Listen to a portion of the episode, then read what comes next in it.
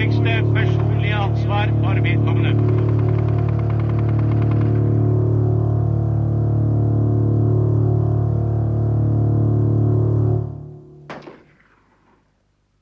Vi kan ikke snakke om Svalbards historie uten å sneie innom andre verdenskrig, som òg prega øygruppa oppe i ishavet. Det tyske angrepet 9. april 1940 brakte den europeiske storkrigen til Norge. Forsvaret var dårlig forberedt, og etter to måneders kamp måtte de norske styrkene kapitulere. Regjeringa og kongen flykta i juni 1940 til Storbritannia for å føre kampen for Norges selvstendighet videre derifra. Under okkupasjonen ble Norge styrt av den tyske nazisten Josef Terboven, som fikk tittelen rikskommissær og kunne støtte seg på et tysk undertrykkelsesapparat med Gestapo i spissen. Alle partier ble forbudt, bortsett fra Nasjonal Samling, leda av Vidkun Quisling, som snart fikk besette alle statsrådspostene, og med overtalelse og tvang søkte å omvende det norske folk til nasjonalsosialismen.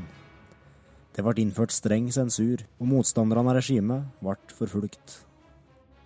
Det tyske militæret Wehrmacht utgjorde en okkupasjonsstyrke på flere hundre tusen mann, og militære interesser kom til å sette et sterkt preg på norsk økonomi, nærings- og arbeidsliv. Tyskerne bygde brakker, kanonstillinger og festningsanlegg i stort omfang, med norske penger, norske leveranser og norsk arbeidskraft. Godt hjulpet av norske nazister forsøkte tyskerne å gjøre Norge om til en nasjonalsosialistisk stat. Passiviseringskampen møtte motstand i befolkninga. Jurister, lærere, prester, idrettsutøvere, fagforeningsfolk og kunstnere leda an i den sivile holdningskampen mot nazismen. Etter hvert ble det òg ytt væpna motstand i regi av den illegale hjemmestyrken Milorg og ulike kommunistiske sabotasjegrupper. De fleste nordmenn deltok aldri i aktivt motstandsarbeid. Mange tilpassa seg okkupasjonen så godt de kunne. Andre samarbeida åpent med tyskerne, uten at de nødvendigvis støtta nazismen. Det gjorde derimot brorparten og de om lag 40 000 norske kvinner og menn som ved frigjøringa var med i nazistpartiet Nasjonal Samling. I rettsoppgjøret som førte, ble mer enn 49 000 nordmenn dømt for landssvik. Krigen påførte befolkninga store prøvelser.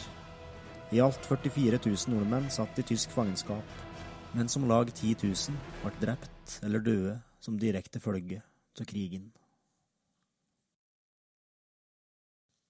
Nazi-Tysklands okkupasjon av Norge i 1940 fikk ikke noen direkte følge for Svalbard i første omgang.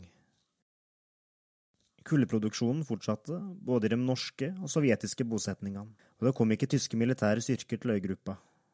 Den norske regjeringa i London ba om at britene lot kulltransporten til fastlandet skje uhindra av hensyn til forsyningssituasjonen, noe som ble respektert. Krigsutbruddet skapte imidlertid stor usikkerhet, og ikke minst i Longyearbyen var det mange som engsta seg for slekt og venner på fastlandet. Det var òg dem som ønska å forlate Svalbard for å delta i kampen mot tyskerne. Slik krigsbildet var i 1940, befant Svalbard seg utafor begivenhetene. Tysklands angrep på Sovjetunionen i juni 1941 skapte imidlertid nye forhold. Med russerne som medlem av den store alliansen fikk havområdet mellom Svalbard og fastlandet ny strategisk betydning, både som forsyningslinje og som en mulig avlastningsfront i de militære operasjonene. Men hva med øygruppa sjøl? Det fantes dem i det norske miljøet i London som arbeida for å sende militære styrker til Svalbard, allerede i 1940. Men på dette tidspunktet viste den britiske marineledelsen ingen entusiasme for forslaget.